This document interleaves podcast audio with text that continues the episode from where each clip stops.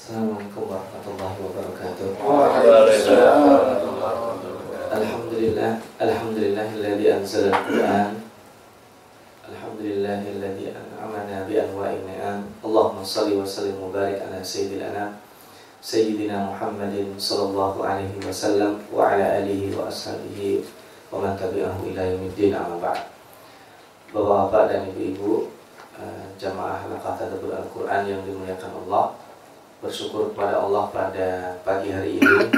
Kembali kita dipertemukan Allah di bulan Zulqa'dah bulan yang kita saksikan karena tanda kekuasaan Allah yang mengumpulkan umat Islam dari seluruh dunia yang berbondong-bondong menuju uh, Baitullah di sana di Masjidil Haram. Dan insya Allah kita akan melanjutkan eh, dan pada kesempatan pagi hari ini sampai kita pada akhir uh, lembar di surat Al-Baqarah. Insyaallah halaqah yang ke-49 kita akan menadaburi ayat 283 sampai akhir surat Al-Baqarah 286. Uh, sebenarnya ada satu ayat tersisa dari interaksi malia, interaksi keuangan di ayat 283 uh, tentang utang piutang kita akan bahas sedikit baru kemudian ada tiga ayat yang di penghujung surat al-baqarah itu adalah inti atau ringkasan dari yang disampaikan Allah selama lebih dari 280 ayat yang kita bahas intinya. A'udzu billahi minasyaitonir rajim. Bismillahirrahmanirrahim. Wa in kuntum 'ala safarin wa lam tajidu katiban farihan maqbudah dan jika kalian berada dalam keadaan bepergian serta tidak ada yang bisa mencatat, maka hendaklah ada jaminan yang dipegang bagi orang yang dipinjemin yang punya piutang. Nah, jadi ini kemarin kalau kita punya hutang piutang sebisa mungkin dicatat. Nah, takutnya nanti lupa, takutnya nanti mendolimi orang lain. Nah sekarang kalau kita sedang dalam bepergian, ini luar biasanya Al-Quran sifat yang dikatakan wa in kuntum ala safarin. Bukan wa in kuntum musafirin. Artinya gitu wa in kuntum musafirin juga jika kalian bepergian. Ala safarin ini menunjukkan juga mukjizat-mukjizat Allah bahwa nanti orang bepergian makin ke sana makin mudah. Ala safarin. Ala itu ditamkin kalau dalam bahasa Arab. Nanti orang bepergian makin ke sana makin mudah. Kita bayangkan saja perjalanan dari sini ke Masjidil Haram. Orang naik haji dulu diperlukan waktu berbulan-bulan. Sekarang dalam hitungan nah, sebentar aja naik pesawat. Ala di atas, bukan hanya di atas bumi. Ini di atas uh, di udara uh, dengan terbang. Ala safari juga menandakan bahwa akan ada progres dalam dalam bepergian itu sehingga nanti semakin memudahkan orang utang piutang ini gampang saja. Dan ini juga sering kita lakukan. Ketika kita misalnya keluar negeri berdua dengan kawan kita, uang kita habis, kita mau beli oleh-oleh atau ada keperluan, bayar hotel dan sebagainya, otomatis apa? Utang kan? Nah, ketika tidak ada yang mencatat, sebenarnya bisa juga dicatat. Yang mencatat itu kan orang lain atau dipersaksikan sama orang lain. Maka farihan makbul. Nah, itu disunahkannya udah sebagai bukan sebagai jaminan lah. Di sini bahasanya jaminan. Biar tenang gitu. Maka ini jamnya jam saya pakai aja dulu gitu. atau misalkan e, barang ini bawa aja dulu. Nah tapi fa in amina ba'dukum ba'dha falyu'addi tumina amanatahu. Jadi ketika sudah saling mempercayai nah udah gampang nanti urusan di sana. Nanti kan kita juga bayarnya kan bisa belakangan kalau seandainya kita bisa ada uh, debit card, kalau nanti ketika sampai, insya Allah saya saya kirim. Ketika sampai di bandara, begitu sampai di bandara akan saya kasih, atau begitu sampai di rumah kita kasih. Nah ini ada beberapa progres kita lihat mukjizat Allah Subhanahu Wa Taala bahwa nantinya orang utang piutang itu e, berkembang prosesnya. Dan di sini farihan makbulah makbulah itu yang bisa dipegang sama orang yang dipinjemin uangnya. Nah, falyu'addil ladzi tumina amanatahu wa yattaqillaha rabbah. Nah, selalu ada perintah bertakwa. Wala taktumus syahada dan jangan sampai dia menyembunyikan persaksian. Nah, persaksian ini yang dimaksud adalah tulis menulis ya, yang sebelumnya. Kalau di sini maka pembicaraan antara mereka berdua sebenarnya di situ tidak ada yang menyaksikan. Wa may yaktumha qalbu. Barang siapa yang menyembunyikan syahadah persaksian fa innahu athimun qalbu. Ini yang menarik dalam bahasa uh, Al-Qur'an. Uh, athimun qalbu di sini uh, itlaqil juz'i wa iradatil kull. Maksudnya yang berdosa bukan hanya hatinya tapi semua anggota tubuhnya. Nah, maka di sini fa innahu athimun qalbuhu. Qalbuhu itu uh, sebagai panglima yang berdosa pertama kali itu hatinya. Padahal sesungguhnya nanti Allah menghisap kita semuanya. Nggak ada istilah dosa mata itu lebih besar dari dosa hidung, dari dosa mulut. Sama nanti yang dihisap kita juga. Nggak ada misalkan e, disiksa nanti misalnya maksiat yang dilakukan oleh kaki kanan kita. Nendang orang misalnya. Nendang oleh kaki kanan kan. Nanti yang disiksa misalnya kaki kanan, yang anggota tubuh yang lain nggak sakit, nggak ada semua tetap akan merasa sakit. Tetapi di sini athimun qalbuhu menandakan bahwa pentingnya hati. Sampai pada urusan keuangan, hati itu penting. Kalau dia hatinya beres, maka persaksian itu hanya sekedar pelengkap administratif. Utang piutang itu sebenarnya kalau saya pinjam, niatnya memang ingin mengembalikan, itu e, pencatatan itu hanya sekedar persyaratan administratif saja. Yang yang terpenting itu hatinya. Maka di sini kaitannya dengan wal yattaqillah rabbah tapi kalau hatinya sudah buruk dalam Al-Qur'an disebutkan Allah berfirman lahum qulubun la yafqahuna biha. Nah ini yang menarik. Mungkin lain waktu kita membahas bahwa hati itu bisa memahami coba bapak-bapak dan ibu-ibu berpikir menggunakan otak atau akal Otak dan akal sendiri tidak pernah disebut di dalam Al-Quran. Otak atau al-mukh nggak ada di dalam Al-Quran. Atau akal, al-aklu tidak ada di dalam Al-Quran. Yang ada adalah fungsi menggunakan akal. Afala taqilun, nakil, yakil, dan sebagainya. Nah, atau afala tatafakkarun yang bukan eh, langsung tapi berpikir. Itu selalu menggunakan akal. Dan hakikat akal sendiri kita tidak tahu. Kita hanya tahu manusia bahwa kita punya otak. Nah, dan kalau mikir selalu yang dituju adalah kepalanya. Tapi coba kalau kita memahami sesuatu, kalau sudah paham itu, dada kita rasanya plong. Nah, apalagi kalau berhubungan dengan perasaan. Oh, aku memahamimu. Nah, itu memahamimu pakai pakai dada. Nah, ini mungkin ada sedikit pergeseran bahasa. Kalau dibilang di Indonesia, kalau itu diterjemahkan dengan hati. Padahal kalau dalam bahasa Arab tidak pernah itu. Uh, Mustasfa al-qalb itu rumah sakit jantung, bukan rumah sakit hati. Eh, hati itu lain. Hati kalau di kita uh, itu apa? Bahasa Arabnya al-kabid. Nah, itu di bawah letaknya. Liver. Uh, liver ya dalam bahasa medisnya. Coba kalau misalkan, aduh sakit hatiku yang dipegang mana? Ada jantung kirinya. Itu jantung tempatnya. Nah makanya itu misterius. Apakah benar di jantung itulah kita merasakan dan memahami? Itu uh, Al-Fatih punya sendiri presentasinya pernah berdiskusi dengan peneliti LIPI. Memang hati itu uh, memiliki kaitan erat dengan otak. Nah dua itu yang nanti disebutkan sumber bukan hanya sumber uh, hidup manusia, sumber segala kehidupan. Dia merasa dan sebagainya itu letaknya ada di hati. Jantung disebut maka bagi Rasulullah SAW bersabda, "Ala fil jasadi mudghah." Di dalam tubuh manusia ada segumpal darah atau daging. Idza saluhat saluhal jasadu kullu. Kalau itu baik, baik semua. Wa idza fasada fasada jasadu. Kalau dia rusak, rusak semua. Maka hati ini peranannya penting sekali. Nah, ketenangan hati kita juga berlaku dalam sholat.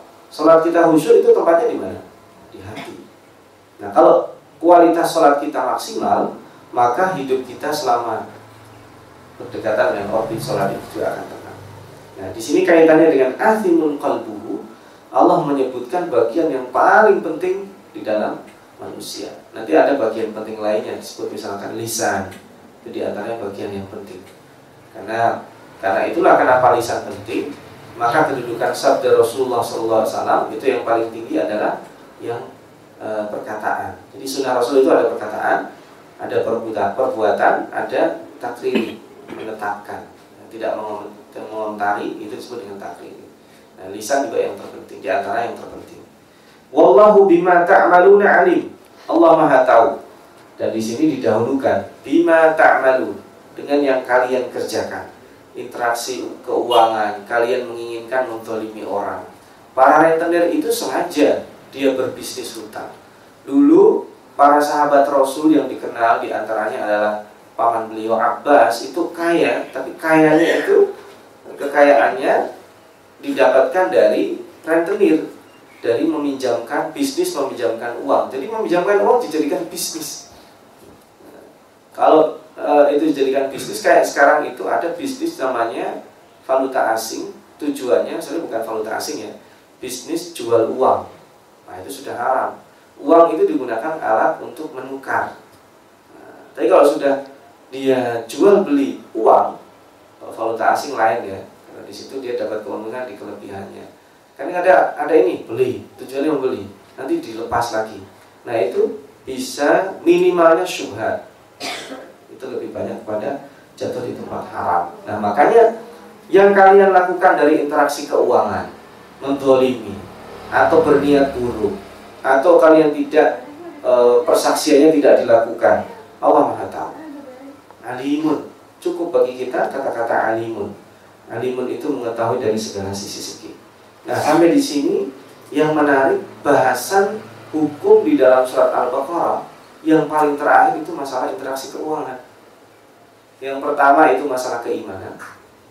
Lalu ada split personality, ada kepribadian ganda setelah ada orang kafir. Kemudian sifat-sifat mereka. Kemudian di sana membicarakan juga ada e, isyarat tentang tahwil kiblat dan haji kemudian ada juga e, beberapa sholat, puasa, zakat, semua ada, lalu ditutup dengan interaksi keuangan e, dengan utang. Makanya 60% persen atau vocabulary Al-Quran itu ada dalam surat Al-Baqarah. Dan juga hampir semua eh, hukum-hukum itu ada di dalam surat ini. maka dikatakan juga surat Al-Baqarah itu sebagai surat yang lengkap. Nah, dan ini nanti tiga ayat terakhir itu di antaranya adalah ayat yang makfur dibaca dalam berbagai kesempatan. Baginda Rasulullah SAW setiap pagi dan petang membacanya. Dan kita setelah selesai sholat juga membacanya. Dalam kondisi kita mau berdoa, kadang didahului dengan membaca ayat ini. Nah, bukan ayat ini memiliki mitos kedahsyatan, tapi isinya luar biasa. Kita membaca ayat yang 284, Lillahi ma fis samawati wa ma fil ini adalah untuk meneguhkan ke keimanan kita. Bagi Allah Subhanahu wa taala apa-apa yang ada di dalam langit 1 2 3 dan seterusnya sampai 7 wa ma fil ardi dan sesuatu yang ada di dalam bumi itu semua milik Allah. Milik Allah baik saat ada manusianya ataupun tidak ada manusia. Karena dia dicipta sebelum manusia dan berakhir setelah manusia hancur semua. Jadi yang pertama hancur itu nanti e, memang bumi ada dihancurkan dulu tetapi manusia setelah itu mati masih ada yang tersisa bumi.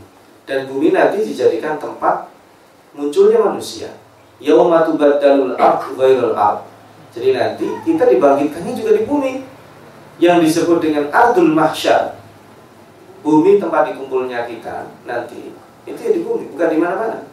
Tetapi bumi kita sudah tidak seperti ini. Musola al-awabin sudah tidak ada tempat kajian halam Quran kita sudah tidak ada dan kita akan dikumpulkan Abdul Masyar itu di Syam di pelataran Masjidil Aqsa nah dikumpulkan di sana kita bisa membayangkan manusia dari sejak Nabi Adam sampai nanti yang diciptakan bermiliar-miliar orang keluarnya dari sana dan dikumpulkan di sana ya apel maka kita silakan divisualisasikan betapa beratnya itu dan apakah cukup nah itu Allah swt yang sedang mengaturnya Nah itu semua milik Allah. Kita kerja mati-matian atau cari uang mati-matian. mencari duit, mencari materi. Begitu mati, itu uang siapa mewarisi? Kita. Nanti ketika semua orang di dunia itu mati, hartanya milik siapa? Tidak ada lagi. Maka walillahi mirathus samawati wal Allah memiliki atau mewarisi apa yang di langit dan bumi. Bukan berarti mewarisi Allah memerlukan, bukan. Ketika semua tidak ada, itu semua adalah milik Allah. Dan sebelum manusia ada, itu juga semuanya milik Allah. Makanya kepemilikan yang terlalu kita agung-agungkan itu membuat kita menjadi bakhil, membuat kita menjadi berat menolong, membuat kita menjadi tidak peka kepada orang sekitar kita. Maka lihatlah wa in tubdu ma fi anfusikum aw tukhfuhu yuhasibkum bihillah. Baik kalian itu terang-terangan melakukan eh, sesuatu. Ini kemarin berhubungan dengan sedekah sebelum ini kita sudah pernah membahas. Ini semuanya Wa yang betul masih anfusikum bahasanya anfus di sini. Kita sholat aslinya memang sholat kita seperti itu dalam keadaan sendiri, dalam keadaan dilihat orang, dalam keadaan terburu-buru, dalam keadaan tenang, dalam keadaan susah, itu Allah tahu. Atau autofuhu atau kita sembunyikan. Dikatakan para sahabat atau para salafus soleh itu eh, kebanyakan yang tidak terlihat itu lebih baik dari yang terlihat. Kalau kebanyakan manusia sebaliknya nah, Yang terlihat itu Jauh lebih baik daripada yang tidak terlihat. Karena kalau kita e, Bisa sebaliknya kita akan menjadi orang hebat. Jadi yang kita nampakkan di, eh, di depan banyak orang Itu memang baik. Tetapi yang tidak tampak itu lebih baik Maka dia akan menjadi orang hebat. Dan itu kan persaksian Yang dikatakan para sahabat terhadap Umar. Sahabat Umar Ibnu Khattab ketika diminta persaksiannya oleh Abu Bakar As-Siddiq beliau bertanya menjelang wafat beliau apa yang kalian ketahui tentang Umar? Sahabat Utsman Ibnu Affan menjawab bahwa yang dilakukan Umar tidak nampak itu jauh lebih baik dari yang kita ketahui. Nah itu berarti kualitasnya nah, itu husnudzon karena bukan berarti sahabat Utsman dia tahu bukan. Tapi kelihatan orang itu bisa dilihat dari situ. Nah baik yang tidak nampak ataupun yang kita tampakkan dari sodako, sholat, zakat kita, menolong orang dan sebagainya, atau kita uh, punya ilmu, diketahui punya kedudukan yang nampak dan tidak nampak, yuhasibukum billah. Bukan sekedar Allah tahu, tapi akan dihisap. Nah yang dihisap itulah yang membuat kita ngeper harusnya. Oh ternyata bukan yang dihisap itu bukan hanya yang dihitung, yang ketahuan sama orang, tetapi yang kita tidak tampakkan akan dihisap. Boleh jadi malaikat, malaikat tidak tahu. Malaikat kan tugasnya secara zahir. Dia menulis kan. Menulis ini sholat sudah contreng. Ini sudah melakukan zakat wajib contreng. Ini mau idul kurban dia sudah e, memberikan sapi contreng. Sudah e, juga kambing di sini juga, di sana juga dicontreng. Tetapi fi anfusikum itu yang tahu Allah. Nah, sebelumnya sudah dibahas ya. Fayaghfiru liman yasha wa yu'adzibu man yasha. Maka prosesnya Allah bisa memberikan ampunan dan juga bisa memberikan azab. Wallahu ala kulli syai'in qadir. Maha tahu, Maha kuasa. Nah, amanah Rasul.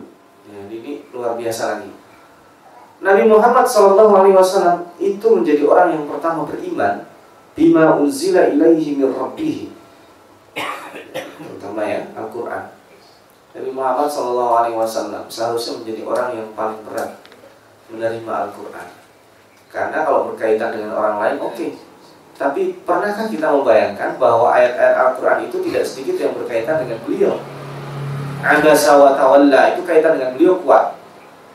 Mengkritik beliau. Lalu coba kita bayangkan dalam surat Ahzab kemarin pernah kita bahas juga ketika anak angkat beliau Zaid ibnu Haritha itu konsultasi. Karena beliau yang menikahkan ini anak angkatnya konsultasi karena punya masalah keluarganya dengan Zainab binti Jahash Nabi Muhammad Shallallahu Alaihi Wasallam udah sabar saja. Namanya orang rumah tangga itu tidak selamanya eh, enak-enak uh, saja. Pasti ada badai yang harus dilalui. Udah sabar saja. Nah, disharmonisasi yang terjadi di tengah rumah tangga Zaid itu, beliau menyarankan udah sabar dan bertakwa kepada Allah. Eh, begitu Zaidnya pergi, malaikat Jibril turun. Muhammad katakan sama anakmu sama Zaid itu. Suruh ceraikan dia istrinya. Coba kita bayangkan. Mbak gimana sih? Barusan kan saya kasih nasihat dia supaya nggak nyerahin istrinya. Nah ini disuruh nyeraikan. Bagaimana itu terjadi? Lebih parah dari itu Muhammad nanti kalau sudah selesai diceraikan nikahi kamu. Loh gimana lagi? Ini tentu menjadi ayat yang akan berat disampaikan. Dan Rasulullah SAW bukan hanya sekedar menyampaikan dia mengimani. Ini adalah merupakan syariat dari Allah Subhanahu Wa Taala dan itu diperbolehkan yang menurut orang Arab pada waktu itu sangat aib sekali menikahi mantan anak angkatnya terutama nah ini bukan berarti itu bersifat anjuran tapi di sini aib dan tidaknya itu Allah yang menentukan. Karena standar aib dan tidak bukan standar uh, akal dan adat manusia. Itu yang sekarang dimunculkan orang bahwa yang namanya aurat tergantung. Kalau di Eropa buka-bukaan nggak apa. Nanti kalau di Timur Tengah seperti itu nggak bisa. Aurat itu di, sudah diputuskan oleh Allah diberikan syariat standar aurat manusia Muslim dan Muslimah sama di mana saja mau di kutub utara, kutub selatan, mau di tempat yang panas, mau di Eropa, mau di Asia, mau kulitnya putih, mau kulitnya tidak putih, mau kulitnya kuning merah, semuanya sama. Dan standarnya itu adalah Allah Subhanahu wa taala. Dan di sini luar biasa amanah Rasul. Lalu kemudian wal mu'minun. Lalu dilanjutkan kullun amanah. Padahal kullun itu semuanya tetapi setiap mereka setiap mereka dimulai dari Rasul dan per orang beriman itu amanah billahi wa malaikatihi wa kutubihi wa rusulih beriman kepada Allah, malaikat, kitab-kitabnya dan rasulnya itu menandakan keimanan mereka itu dihisapnya satu-satu. Di sini kulun di sini. Nah, kita di sini sekarang ngaji sedang tadabbur Al-Qur'an, beriman terhadap Al-Qur'an. Itu pahalanya beda-beda. Dan al-fakir belum tentu yang paling baik, yang paling banyak imannya. Bisa jadi ibu-ibu bapak-bapak yang ada di sini dengan membaca ayat ini makin beriman, itu akan dipunya hitung-hitungan sendiri. Yuhasibkum billah. Nah, di sini kulun amanah di situ letak mukjizat pilihan kata dari Allah. Kulun bahasanya. Nah, lalu penegasan luar biasa per orangnya, lihat, la nufarriqu baina ahadin min rusuli keimanan itu global, tidak tergantung mood kita. Orang-orang Bani Israel itu sebenarnya dia hanya Nabi Muhammad yang dia iriin, tapi itu sudah dianggap la nufariqu baina ahadin. Harusnya maknanya itu la nufariqu baina jami'i rusulihi. Kenapa di sini ahadin? Kami tidak membeda-bedakan di antara satu dari rasulnya. Kan itu terjemahan letternya. Bukan berarti satu dari rasulnya itu sudah dianggap penyelewengan. Misalkan semua Rasulullah SAW saya terima, kecuali satu aja, Muhammad nggak mau. Ya nggak bisa. Yang namanya iman itu semuanya. Atau kita misalnya sebaliknya, saya beriman kepada utusan Allah semuanya, kecuali Nabi Isa misalnya. Ya nggak bisa. Kita harus itu satu paket. Iman kepada Allah, paketnya kepada malaikat. Malaikat juga semua. Malaikat semuanya dipercayai sama orang-orang Yahudi. Tetapi kecuali malaikat Jibril. Nah, itu baru pernah kita bahas ya. Kenapa? Ya karena Jibril salah alamat kata mereka. Harusnya bukan kepada Muhammad dia kasih wahyu, harusnya kepada orang Bani Israel. Akibatnya Jibril dibenci. Nah kalau sudah benci sama Jibril, semua yang dibuat Jibril itu salah. Nah mereka lupa bahwa wahyu-wahyu yang disampaikan para nabi-nabi sebelum Nabi Muhammad itu lewat siapa? Jibril juga. Jadi di sini eh, ada kesalahan eh, persepsi yang fatal bahwa ketika beriman Allah mengatakan beriman itu totalitas. Iman itu tidak bisa setengah-setengah. Meskipun menurut jumhur ulama al-iman yazid wa. Iman itu bisa tambah bisa kurang, tetapi iman itu tidak ada setengah-setengah. Makanya tempat iman di hati, atimun qalbu tadi ya. Inna Allah yakbalu nisfal amal. Allah menerima setengah amal, tetapi Allah tidak menerima nisfan niat Allah tidak menerima setengah niat. Nah, kita sholat nih eh, maghrib. Masuk kalau maghrib jangan lah ya. Maghrib itu waktunya sedikit sebenarnya. Sholat duhur misalnya. Di penghujung waktu asar. Sholat dua rakaat dua rakaat sisanya sudah masuk waktu asar menurut jumhur ulama sah nah, itu kan setengah itu, setengah amal sah. Tapi kalau niatnya ternyata sholat asar, ya nggak sah, meskipun dia sholat di awal waktu. Jadi Allah menerima setengah amal kita, setengah prakteknya ya, itu dianggap sah, minimalis, sah. Tetapi niat tidak ada. Niat saya mau sedekah niatnya ya, ikhlas 50% aja, nggak diterima. Nah, tetapi ingat, itu memerlukan latihan. Nanti jangan, wah kalau gitu, saya kayaknya nggak pernah deh bisa ikhlas, mendingan saya nggak usah sedekah. Itu lain lagi ceritanya. Itu menyebab dari latihan. Maka e, di sini kita bisa memberi, membuat kesimpulan lalu fariqu baina ahadin min rusuli di sini adalah untuk penekanan bahwa kita iman itu satu paket. Semua tidak dipilih-pilih. Dalam beriman terhadap takdir juga khairihi wa syarrihi. Meskipun di sini tidak disebutkan rukun iman yang tidak disebutkan di sini ada dua, yaitu beriman kepada hari akhir dan beriman kepada takdir. Kalau sami'na wa ata'na dan orang-orang beriman tadi setelah beriman dia refleksikan di dalam perkataan. Nah, maka perkataan itu penting. Saya beriman, saya orang muslim. Itu kita jangan malu. Konteksnya banyak ya. Wa ata'na. Kalau sudah mendengar, sami'na itu mendengar ya. Wa ata'na di situ mempraktekkan. Gitu. Jadi iman didengarkan, diimani, kemudian dipraktekkan. Gufranak. Gufranak ini e, masdar e, yang artinya adalah kami memohon ampunanmu. Gufranak. E, itu baik kita melakukan kebaikan itu pasti ada hal-hal yang kurang ataupun melakukan keburukan. Maka ketika mengatakan ghufranaka rabbana wa ilaikal masir ya Allah ampunilah kami. Nah, nanti di, di bawah akan diperjelas ghufranaka itu apa? Fa'fu anna wa lana warhamna. Nanti kita jelaskan insyaallah. Rabbana wa ilaikal masir dan kepada mula uh, kami kembali tempat kembalinya.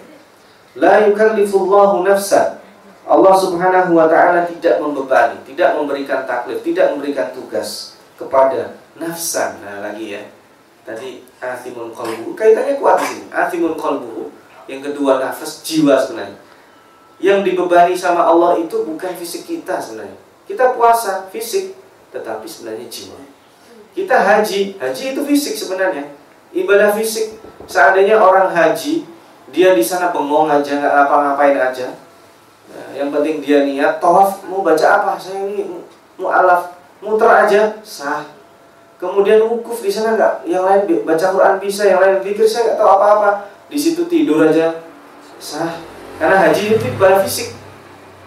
Karena tetapi nafas. Sebenarnya haji di situ adalah nafas. Sebagai miniatur nanti yang terjadi di hari kiamat. Kalau dia melakukan dengan sepenuhnya maka dia bisa menjiwainya ibadah haji itu. Sholat juga demikian.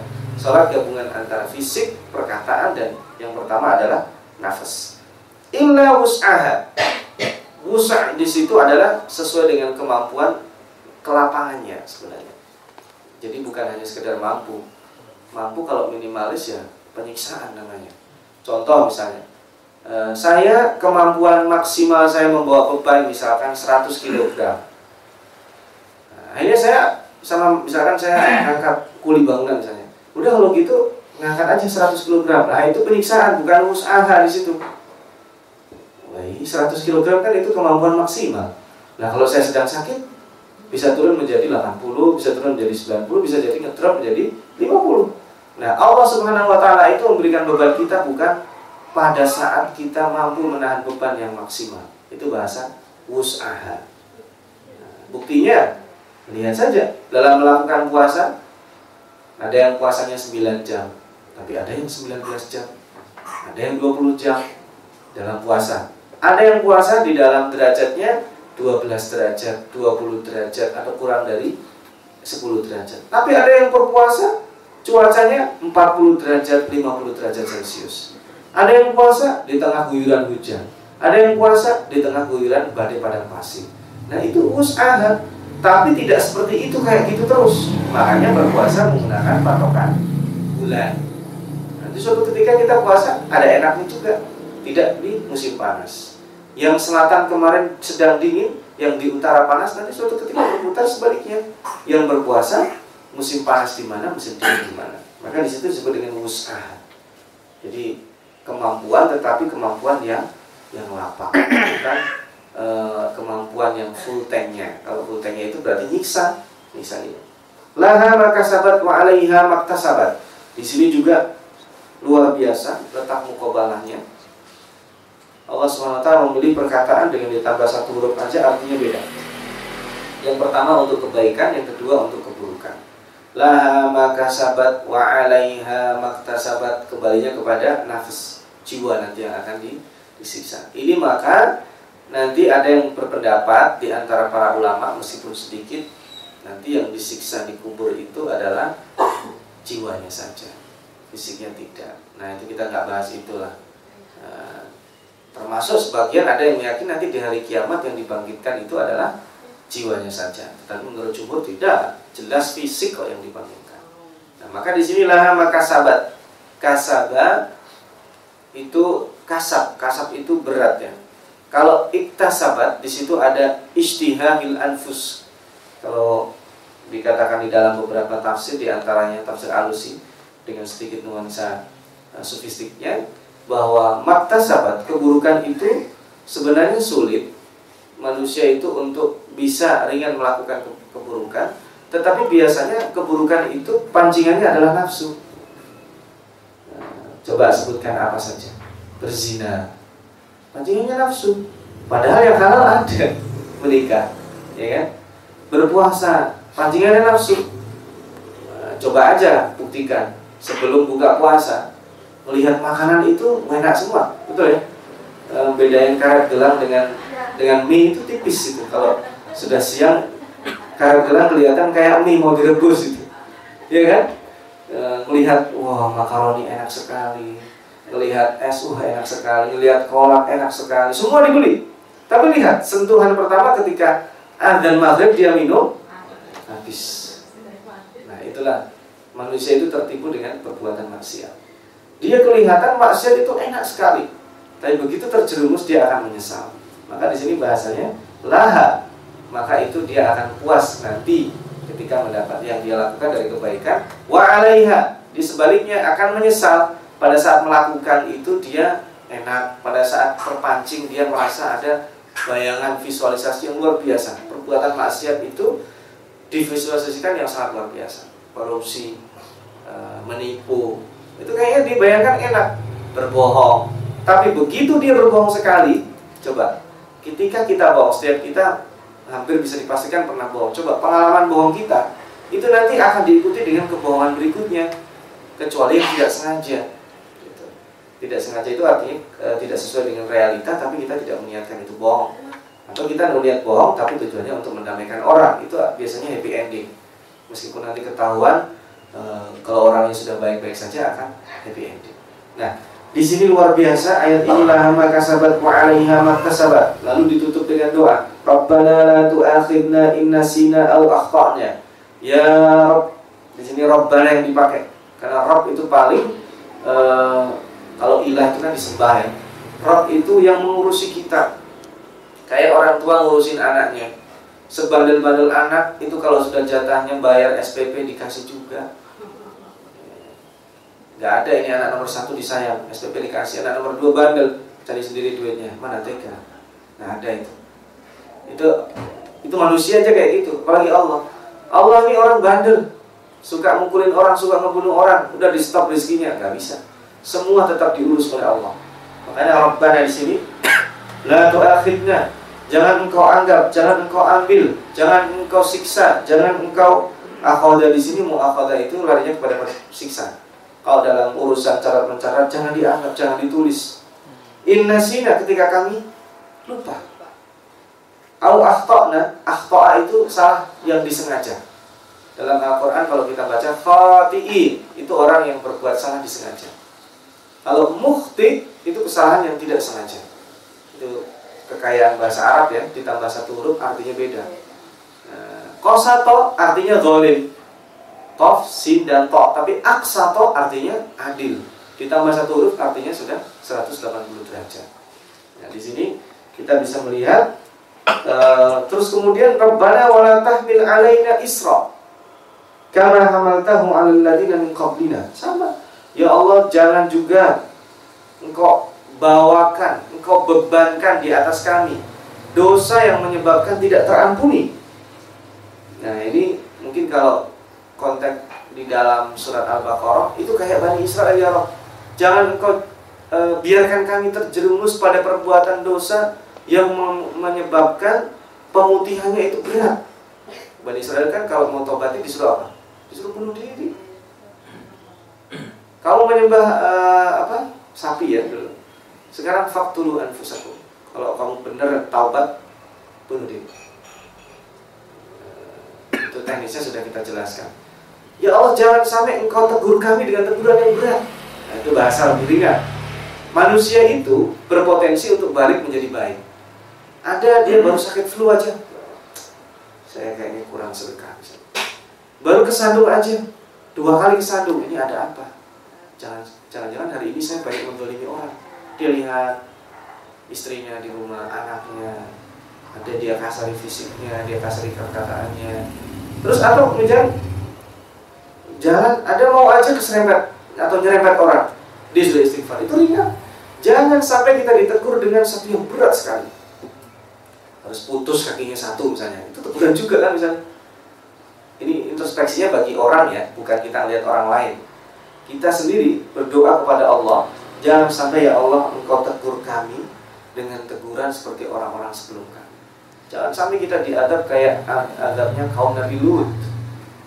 Makanya sekarang ketika ada orang membebaskan LGBT dengan alasan kebebasan gender hak asasi manusia jangan kita biarkan. Ada orang laki-laki mau nikah sama laki-laki, kita harus lawan itu. Kalau kita biarkan, nanti Allah turunkan adab seperti yang diturunkan kepada Nabi Lut. Kaum Nabi Lut maksudnya. Kan ini muskilah, musibah yang besar. Ketika kita biarkan maksiat, jangan kita biarkan. Kita doanya ini, la tahmil alaina isran. Ada yang mengatakan Islam di sini adalah dosa. Kama hamaltamu ala lalina min qablina. Terutama Bani Israel yang harus bunuh diri taubatnya. Ya Allah mudahkan taubat kami Mudahkan caranya dan mudahkan hati kami tergerak Rabbana wa la tuhammilna. Kalau tadi, tadi tahmil Rabbana wa la tuhammilna ma la taqata Ya Allah jangan engkau bebankan kami kepada sesuatu yang di luar kemampuan kami. Nah ini terjemahan Ghufranaka tadi. Wa'fu anna. Ya Allah dosa kami ampuni. Masa dosa kami ampuni itu putihkan. Wafil lana. Itu tutup aib. Nah, Astagfirullahaladzim itu artinya dimensinya tiga ini Ya Allah ampuni dosaku. Misalkan ah, Saya ya Allah 10 tahun saya nggak sholat. Ampuni dosaku. Maksudnya anggap sudah sholat ya. Itu maksudnya. Ya nggak bisa juga sih. Itu masih kan? Meninggalkan sesuatu yang diwajibkan. Anggap ya Rob saya sudah sholat. Wafilana dan tutup. Jangan sampai orang lain tahu. Warhamna ampuni dan tutup airnya kasih kasih aku. Ini kan enak banget tuh. Makanya nanti Ghafurun Rahim yang pernah kita bahas ya. Apa arti Ghafurun Rahim? Orang punya salah sama saya, sama kita. Kalau punya salah, dia datang minta maaf. Ghafurun. Apa artinya? Dosanya besar, kesalahannya besar, kita ampuni. Nah, habis kita ampuni, dia mau pulang. Eh sebentar, ini uang sakunya. Eh kamu sudah makan belum? Ayo saya traktir. Nah, tapi gak ada orang kayak gitu. Buat salah besar, Orang ini diampuni, habis diampuni kita kasih uang saku, kita traktir makan. Itu berarti kita berakhlak dengan akhlak Allah.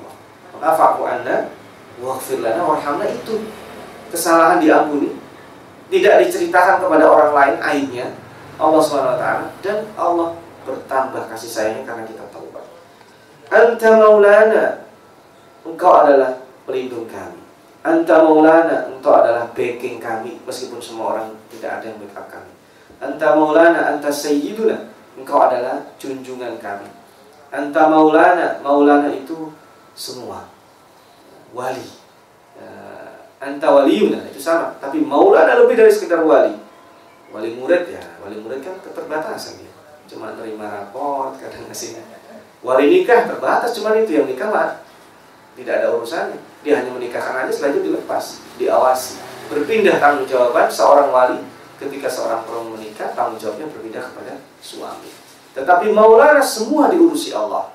Engkau yang ngurusi kami ya Rob ketika kami sehat, ketika kami sakit, ketika kami punya uang, ketika tidak punya uang. Bagi seorang perempuan, ini saya mau melahirkan, tapi suami saya kejebak macet ya Rob. Ini saya mau melahirkan, kalau ternyata tidak ada duit. Ini saya mau menikahkan anak, tapi jodohnya belum ada. Nah, dan sebagainya. Anta maulana, engkau yang mengurusi itu semua. Ini saya sudah mengajukan proposal mau pekerjaan ke sana kemari. Ya, ternyata Allah ngasih duit tanpa harus bekerja. Nah, dia nyari kerjaan. Allah tahu yang dibutuhkan bukan kerjaan, duit yang dibutuhkan. Makanya orang sering salah menikah harus punya pekerjaan tetap. Wah bahaya. Pemasukan tetap gak apa-apa. Dan itu juga gak bagus pemasukan tetap karena fluktuatif dalam hidup kita. Nah, Fansurna al kaumil kafirin. Nah ini konteksnya apa kok kita meminta tolong terhadap orang-orang kafir? Nah ini kan juga sudah dibahas di sini. Di, di Madinah itu berbeda dengan Mekah. Kalau di Mekah itu musuh jelas. Di Madinah itu permusuhan jelas, sulit keadaannya tapi musuh jelas. Tapi di Madinah ya berat. Ada orang ikut sholat, ada orang ikut bayar zakat, tetapi sejatinya dia menikah. Yang dikenal dengan orang munafik ya.